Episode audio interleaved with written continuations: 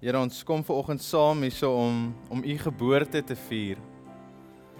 Om 'n nuwe lewe te vier, Here en is nie net 'n nor normale lewe nie. Here, u het uit die hemel uit neergekom om vir ons 'n pad te wys, om vir ons 'n pad te maak fisies. Here, u ken ons deur en deur. U U ken elke vrees en U ken elke bekommernis, Here. En ons vier Kersdag, Here. Saam met U, Here. Die geskenke, die kos, die die alles is ons vier U geboortedag, Here. En en wat 'n voorreg is dit nie om so as familie bymekaar te kom ver oggend nie.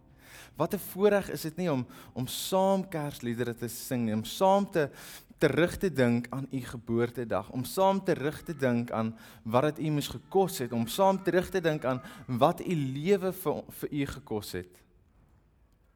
En Here alles ter wille van ons, u kinders, u vriende, u broers, u susters. Here ek bid vir elke persoon wat ver oggend hier is dat u vrede hulle sal binne gaan, Here dat ons ore sal oopgaan vir dit wat U sê vir oggend, Here. Dat U Gees sal oorvat vir oggend.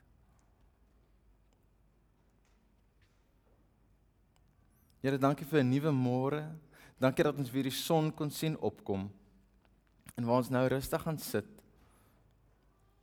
Wees met ons in Jesus naam. Amen.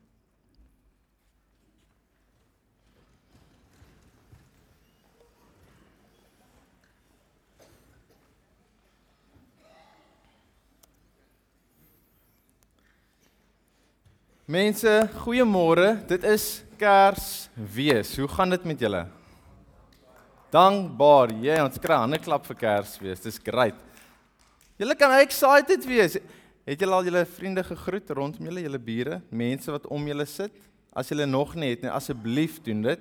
Net ter wille van die Kersfees gees, van hierdie vreugdevolle gees, asseblief groet die mense om jou. Julle mag gesels, julle mag glimlag, julle mag bly wees. Dis nie 'n sonde om iets te hardop te sê in die kerk nie. OK? Dis nie 'n plek van stilte hierdie nie. Ons maak geraas, ons praat saam en is almal gegroet. Is daar iemand wat nie gegroet is nie? Asseblief steek op jou hand. Tannie Janine. Wel, julle twee kan mekaar groet. Die winkels het omtrent al 2 maande terug al begin versieringkies opsit en Kersmusiek begin speel. Mense het al begin Kersgeskenke bymekaar maak. Ek dink my vrou het al maande terug al hier en daar geskenkies gekoop net sodat ons mooi reg kan budget sodat alles nie op een maand val nie.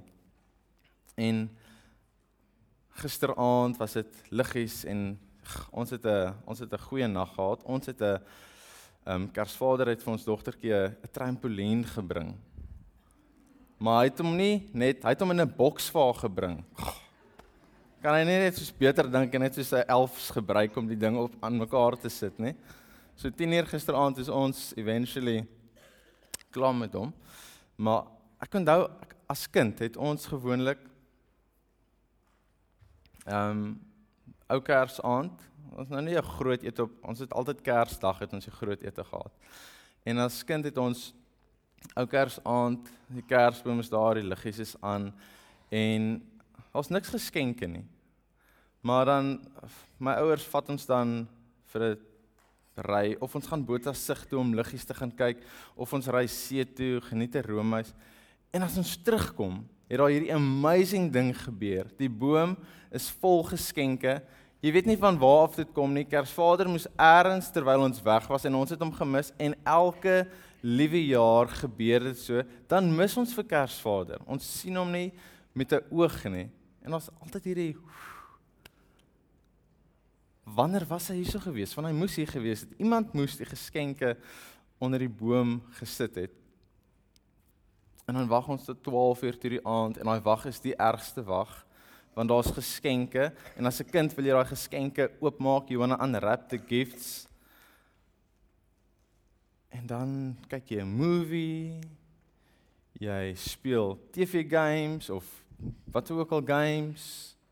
Jy val amper in die slaap, jy spoel jou gesig nat net om weer wakker te bly en so wag jy tot 12 uur en 12 uur maak jy oop en jy's opgewonde en dan speel jy so 10 minute met jou speelgoed en dan val jy in die slaap en jy's dood dood dood moeg. En vandag is dit mos een groot feesmaal.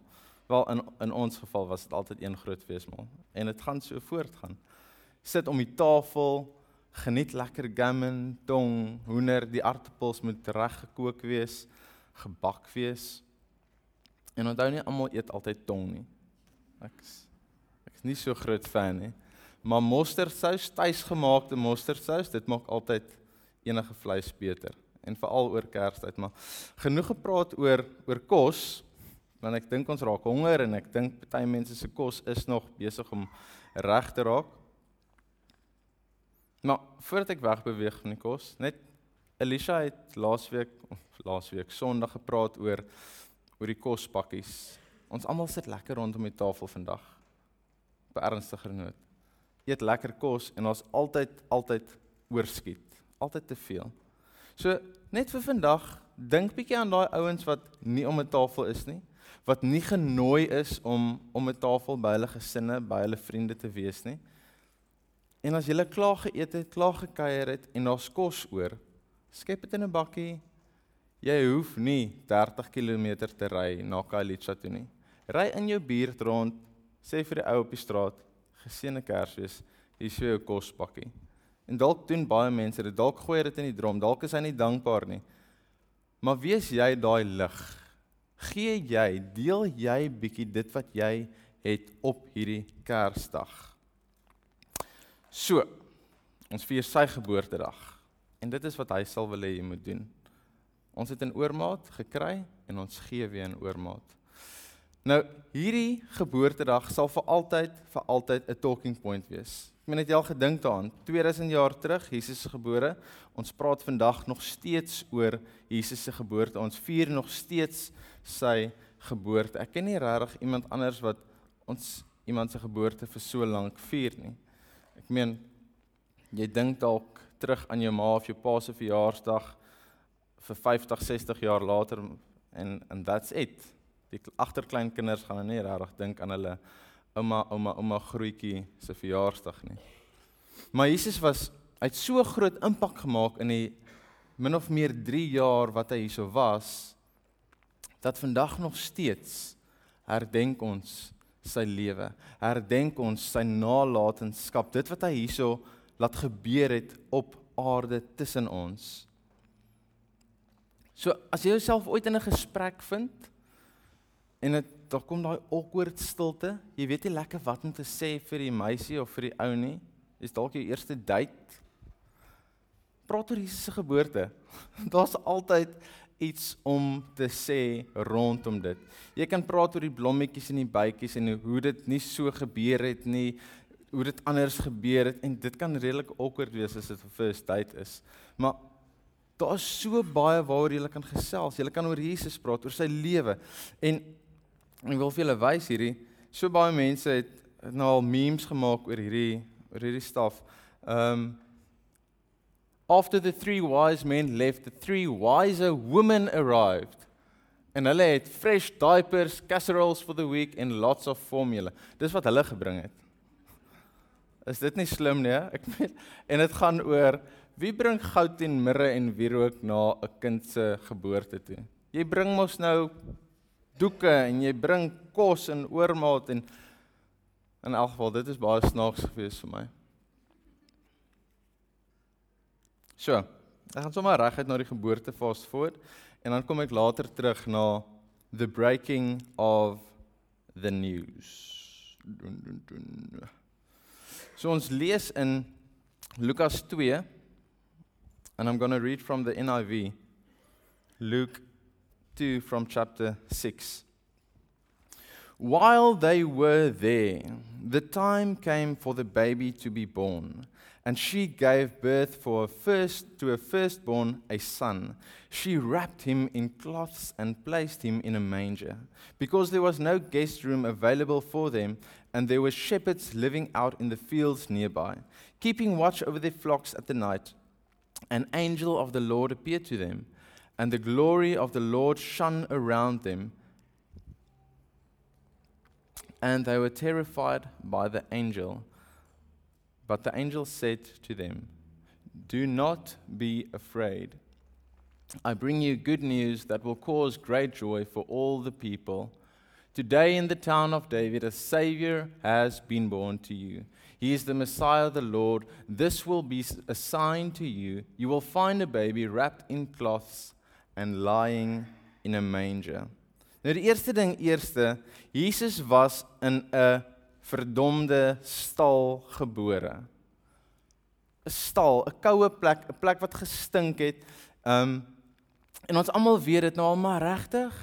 Maria, jy het 8, 9 maande om te beplan en jou kind word in 'n stal gebore.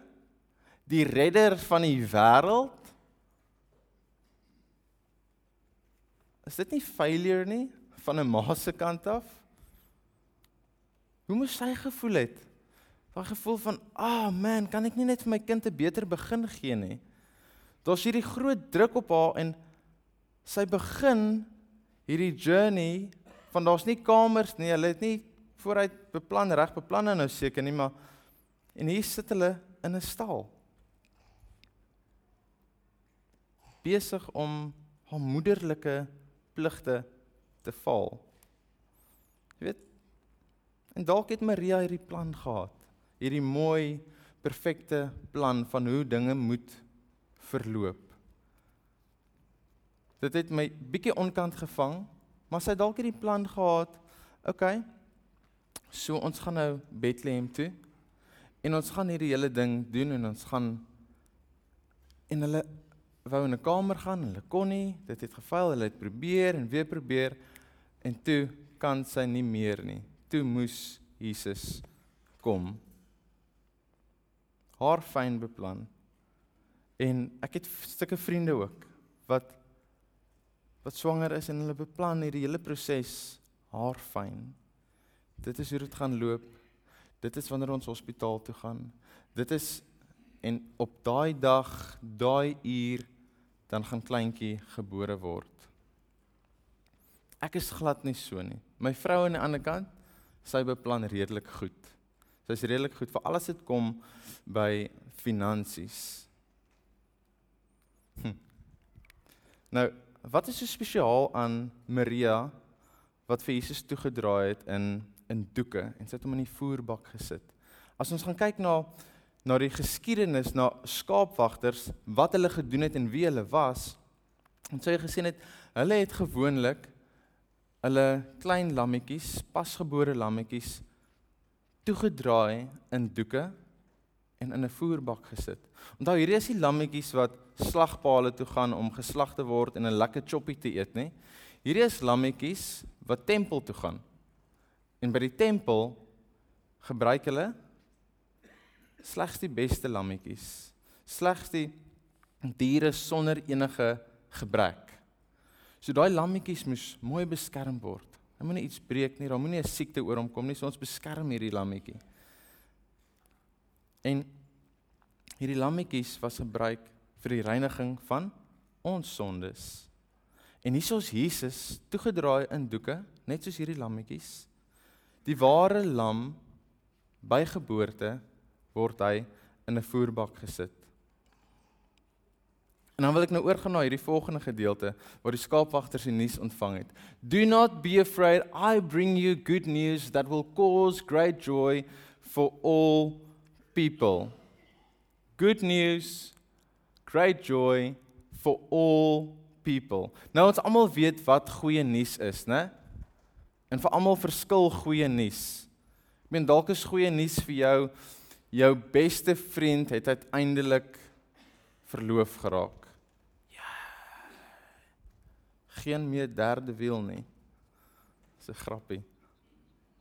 Jou goeie nuus vir jou is dalk jy kry 'n verhoging. Goeie nuus vir jou is dalk jou vriend is swanger, jou vriendin is swanger.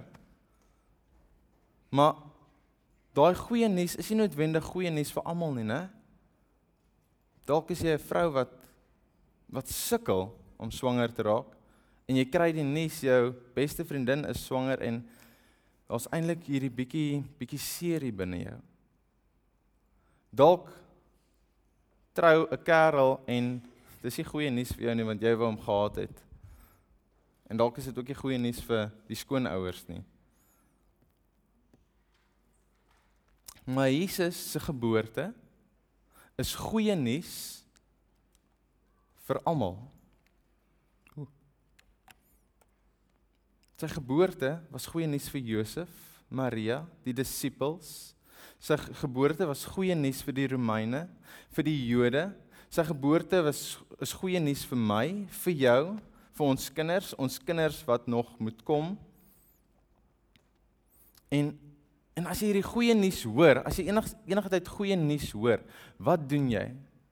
Hi, ons is ons is swanger. Ek is so opgewonde saam met julle. Is dit regtig waar? Wanneer het dit hoe? Wat? En jy en jy jy lean in hierdie goeie nuus in en jy hoop met alles binne jou dat dit waar is, né? Dis nie dat as jy goeie nuus hoor dat jy net soos afsny en nee, dit kan nie wees nie, dit moenie gebeur nie. Jy hoop dit is waar en dat dit gaan gebeur.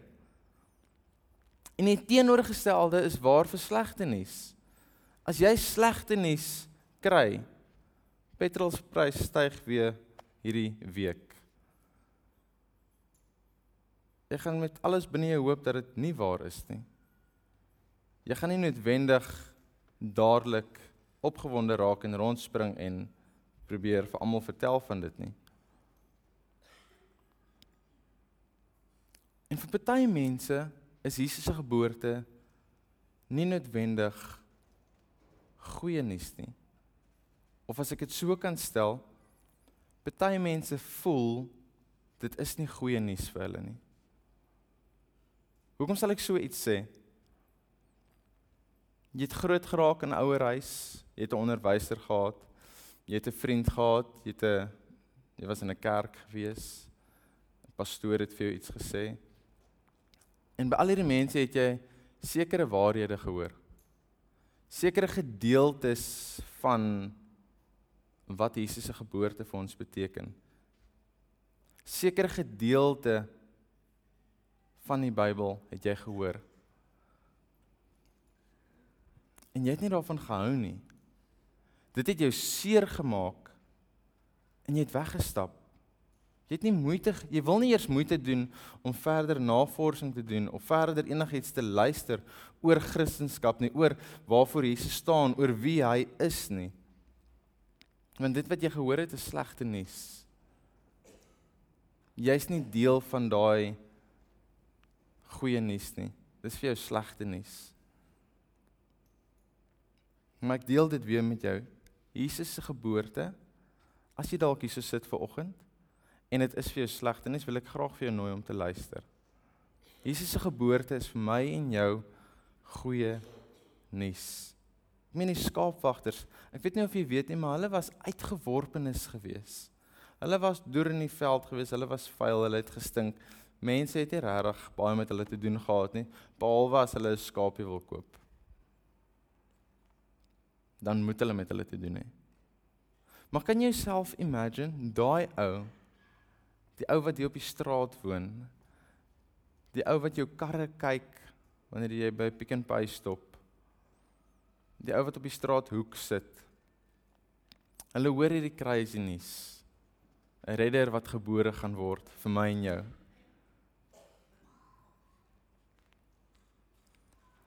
En hulle stap en stap en hulle is opgewonde. Kan dit waar wees? Is dit regtig so? Vir ons is ons deel van die ons. En hulle kom by die stal aan en wat sien hulle? Hulle sien 'n babatjie iets bekends, iets wat hulle ken as skaapwagters. Hulle sien 'n stal, hulle sien 'n voerbak en hulle sien 'n baba wat toegedraai is in lappe presies wat hulle ken. Dis hoe hulle kyk na hulle lammetjies. Hulle draai hulle toe in lappe En onmiddellik voel hulle tuis. Onmiddellik voel hulle, "Wow, ons ken hierdie hierdie hele setup. Ons weet wat dit is.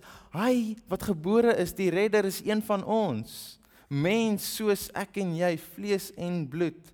Hy ryk self soos ons hier in die stal." Sy geboortenuus is goeie nuus vir almal.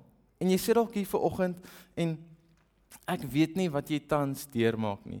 Dalk is jy tans nie op 'n lekker plek nie. Jy struggle met jou hele familie situasie wat wat ook al daaraan gaan. Jy struggle by die werk. Jy en jou man, jou vrou kom nie lekker oor die weg op die oomblik nie. Jy sukkel met jou verhouding met met jou kinders. Jesus is die goeie nuus. Jesus is die een wat die dood oorwin het. Jesus is die een wat vrede kom bring het sodat daar vrede kan wees in daai situasie. Jesus is die een wat gekom het to reconcile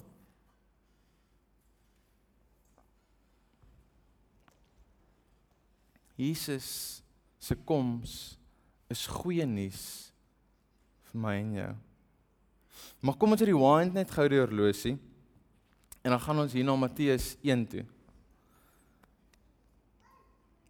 Vers 18. Daar was 'n vrou met die naam Maria. Sy was verloof aan 'n man met die naam Josef en op 'n dag het hy uitgevind Maria verwag 'n kind. Josef was baie omgekrap hieroor want hy het geweet dat dit nie sy kind was nie. Natuurlik was dit die Heilige Gees wat Maria laat verwag het, maar Josef het dit toe nog nie geweet nie. Omdat Josef die wette van Moses goed geken het, het hy geweet dat dit 'n groot skande vir 'n ongetroude vrou was om 'n baba te verwag. Hy wou Maria nie verneder deur die verloving in openbaar te breek nie. Daarom het hy besluit om stilweg die verloving te verbreek voordat almal van Maria se swangerskap te hore kom. Terwyl Josef besig was om planne te beraam hoe om uit sy verknorsing te kom, het hy een nag 'n droom gehad en ek lees net tot daar. Men, jy sien hierdie prentjie. Maria het nou al gedeel met hierdie storie. Maria het die nuus gekry van die engele, dit is God wat haar gaan swanger maak. Sy gaan die sy gaan die seun van God benadra. Sy het nou al verwerk en sy's opgewonde, sy's excited. Hier gaan sy na Josef toe. Josef, my man, ek is swanger. Maar ek het nie met jou geslaap nie. En jy lag daaroor, jy's opgewonde daaroor. Ja, dit is God se seun. Mans asseblief moenie daai vrouens moenie daai verskoning gebruik en dis net een vrou wat daai verskoning kon gebruik en dis Maria. Miskien dit sê nie, né? Maar hoe crazy is dit? Hier kom 'n vrou en sy sê ek gaan God se seën dra en Josef moes deel met dit. Sy sê vir my man dis goeie nuus. Don't you get it? praat van om die appelkar heeltemal om te gooi. Praat van 'n curveball in 'n verhouding. Wat gaan hier aan? Wat moet Josef nou doen? En ek en jy weet nie veel van Josef nie. Hulle sê regtig nie baie van Josef in die Bybel nie. Wat ons weet van hom is hy's hy's deel van koning Dawid se se nageslag. Wat ons weet van hom is hy's hy's 'n skrynwerker en hy hy werk met hout. En hy was verloof getroud met Maria. Nou, as ek net so vinnig na Josef kyk, na sy sy lewe. Josef was die tipe mens wat volgens planne gewerk het. Josef was die ou wat hy die wette geken. En hoekom sê ek so? Want hy het geweet wat met Maria sal gebeur as hy moet wegstap uit hierdie verhouding uit of net vir die publiek sê Maria het rondgeslaap, sy's swanger en dis nie my kind nie. Hy het geweet sy kan dalk gestenig word, sy kan dalk doodgemaak word en hy wil nie dit vir haar gehad het nie. Maar hy was ook 'n houtwerker gewees en houtwerkers beplan. Dit vat tyd. Dis nie net soos wat ek ek hou daarvan om met my hande te werk, maar Die verskil is ek 'n springende ding in en ek doen dit en ek skuur en ek sal saag en la la la en later kom ek uit ek moes dalk eerder bietjie beplan het. Ek dink aan 'n ingenieur, 'n argitek. Ek dink Josef het hierdie hy was hierdie tipe mens gewees wat volgens plan geleef het.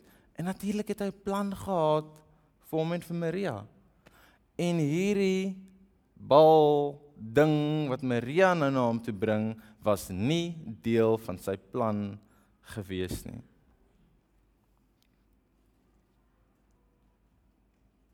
Nou soos ek gesê het, my vrou, sy is ook soos Josef in die sin van beplanning.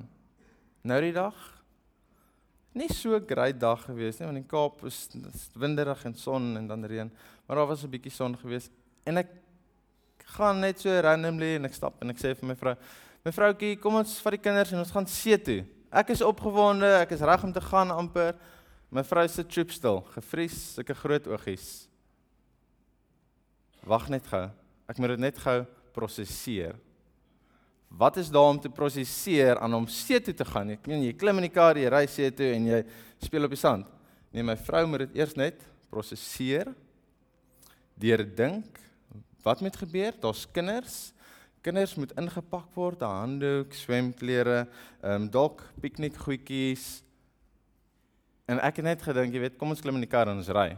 Maar dis nie hoe dit werk nie. Mens moet beplan en jy moet Ek is jammer my vrou, maar ek moet jou as 'n voorbeeld hier gebruik en ek gaan jou weer as 'n voorbeeld gebruik. So vroeër die jaar, deel van hierdie planne. My vrou het vir my toestemming gegee om oor haar te gesels en maar ek doen. Maar vroeër die jaar het my vrou nuus gekry en al haar kollegas, hulle skool maak toe. So hulle word afgedank. Gelukkig is daar 'n paar maande want anders was dit nogals 'n hele ramp geweest maar hulle sy's afgedank. Nou vir iemand met daai persoonlikheid wat sulke nuus kry wat 'n plan gehad het om dalk nog 5 jaar by hierdie plek te werk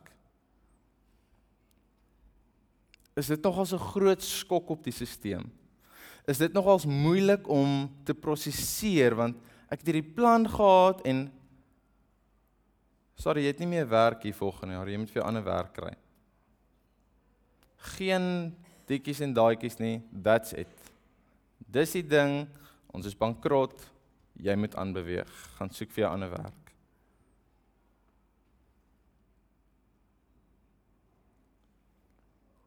Nou ek kan met alle eerlikheid sê en ek praat namens my vrou. Dit was nie maklik nie. Dit was nie maklik om so 'n curveball te hanteer nie want sy is die een wat die geld inbring vir die familie. So sy het somme in haar kop gemaak en sy het gedink aan die toekoms en ek moes haar net bedaar. Pastoortjie wat ek is, moes net vir haar sê die Here sal sorg, moenie worry nie. Die Here gaan sorg. Binne my kop is daar ook baie vrae maar ek moes haar net kalmeer. Want sy het al vorentoe gehardloop. Maar hierdie plan was heeltemal weggegooi. En Josef se toekomsplanne, sy drome saam met Maria val in een oomblik in mekaar. En jy sit ook hier. Jy het ook al planne gemaak. Jy het ook al daai mat gehad onder jou voete uitgetrek. Maar Here, dit was nie deel van my plan gewees dit nie. My plan was stap 1, stap 2, stap 3 en stap En die Here gooi iets heeltemal anders op Josef se pad. Jy vind uit jou vrou het iets agter jou rug gedoen. Jy vind uit jou kollegas praat agter jou rug. Jy vind uit jou beste vriend is nie regtig so goeie vriend as wat jy gedink het nie. En die mat word onder jou voete uitgetrek. Wat doen mens dan? Watse vrae sit jy nie meer in jou kop nie? En jy vra 'n klomp vrae en jy maak jou eie planne want hierdie moet nou gefiks word, dit moet reggemaak word en ek gaan opstaan en gaan oukei okay wees en en jy maak al hierdie planne. En ons kyk na Josef, hy het presies dieselfde gedoen. Toe hy die nuus hoor, wat doen hy? Hy maak planne om hierdie verloving te breek. Hy maak planne om te escape, om uit dit uit te kom.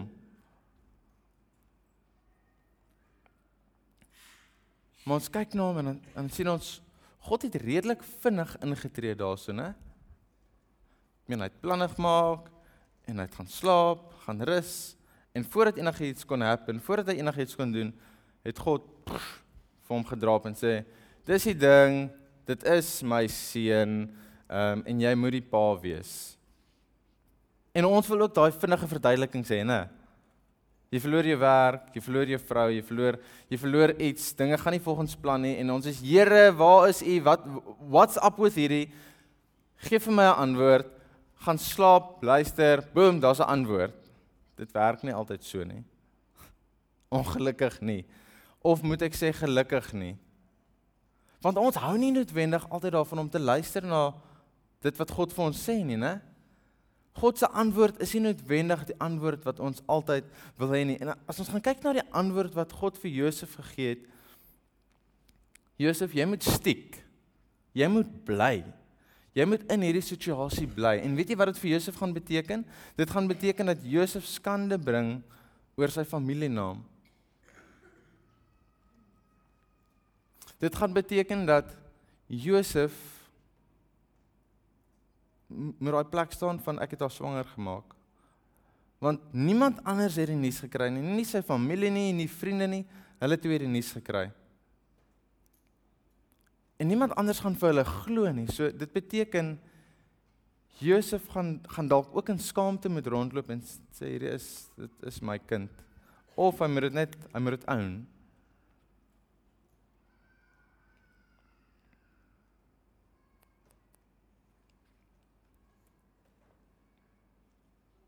Al hierdie pad vorentoe vir Josef nie lekker gelyk nie.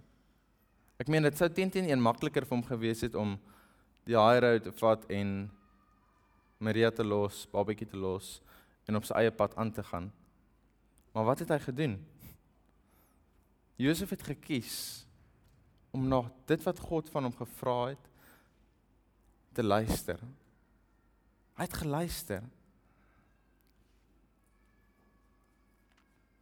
In gehoorsaamheid gaan hy na Maria toe en hy sê vir Maria: "Maria, ek gaan ek gaan bly.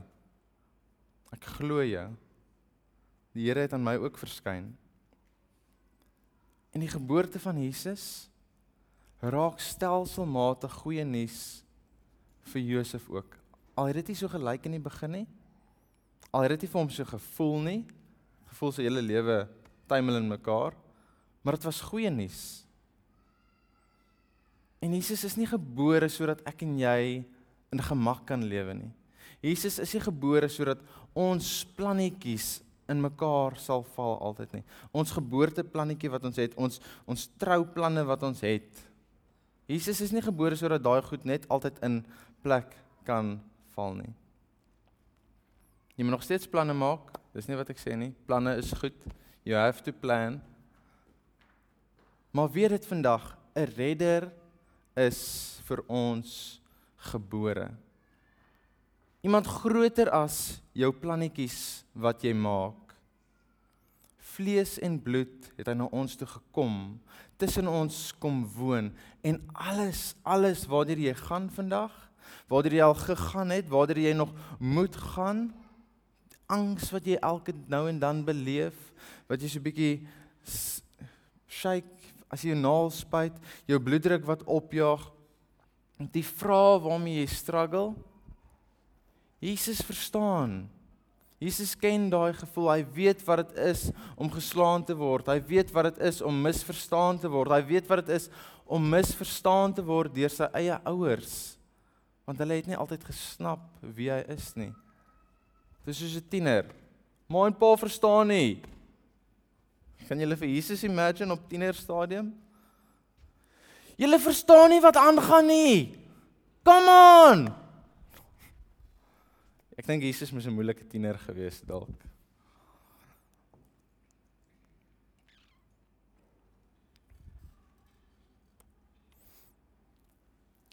En Jesus het gekom om om vir ons vrede te bring.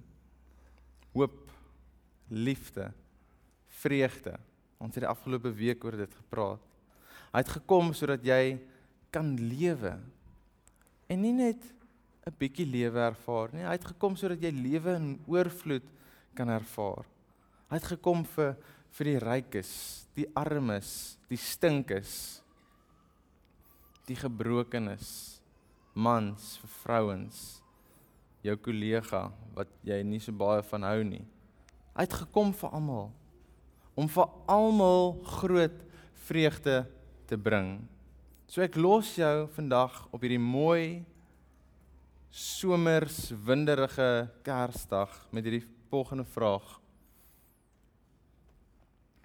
Is die nuus wat jy oordra aan mense goeie nuus? Jou lewe spreek dit van goeie nuus. Jy vind jouself in moeilike omstandighede. Wat se nuus dra jy oor aan mense? En ek praat nie net van as dit goed gaan met jou nie. Ek praat van in daai moeilike tye. Wat se nuus dra jy oor aan ander mense?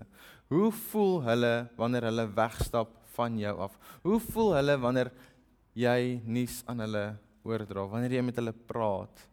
Wanneer hulle in jou teenwoordigheid is? Dra jy goeie nuus oor aan mense of spreek jou lewe van slegte nuus? Nooi mense in. Moenie mense wegstoot nie. Jesus het gekom en hy het ons almal ingenooi om deel te wees, om by die tafel te sit. As jy so vandag sit om die tafel, as jy so bevoorreg is en jy breek die brood Julle eet daai gammon, julle eet die hoender. En weet Jesus het vir jou ingenooi om om die tafel te kom sit saam met hom. Want sy liggaam is vir ons gebreek. Sy bloed het vir ons gevloei sodat ons kan lewe. Kom ons bid saam.